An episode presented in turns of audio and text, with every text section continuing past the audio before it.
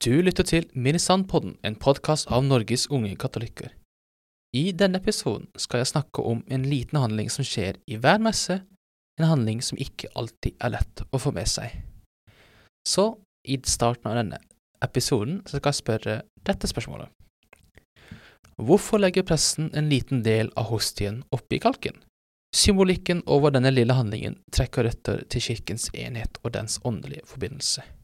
Under messen har du kanskje lagt merke til at presten knekker av en liten bit av den konsekrerte hostien og legger den oppi kalken.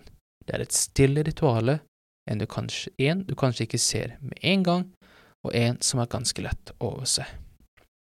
Selv om dette er en rask handling, så er det en stor symbolikk.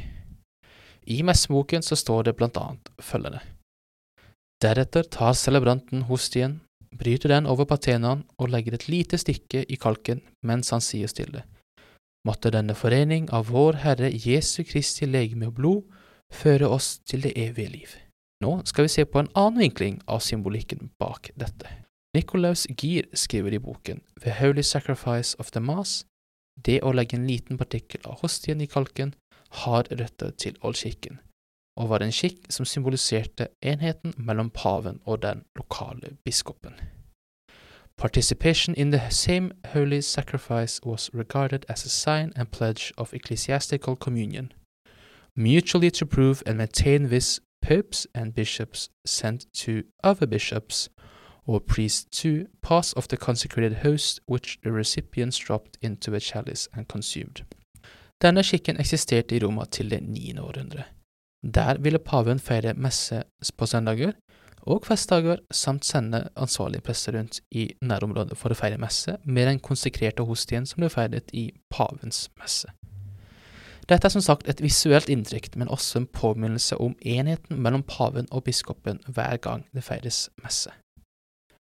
Videre så er det et annet aspekt på dette ritualet er å vise enheten av messefeiringer, nemlig symbolet på det offer Jesus gjorde på korset.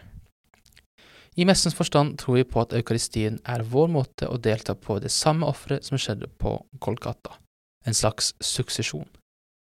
Men enda tidligere så var bruken litt annerledes.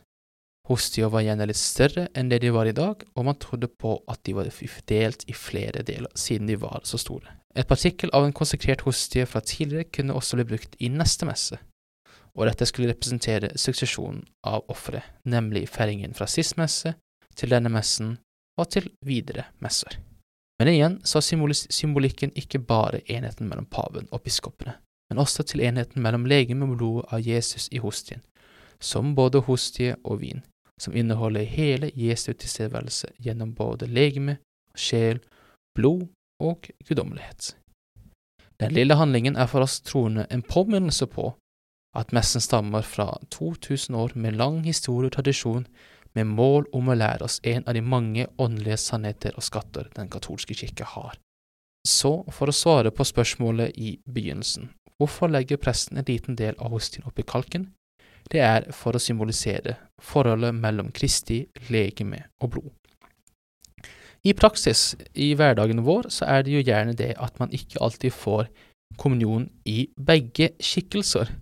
Du kan faktisk nemlig få både Kristi legeme og Kristi blod.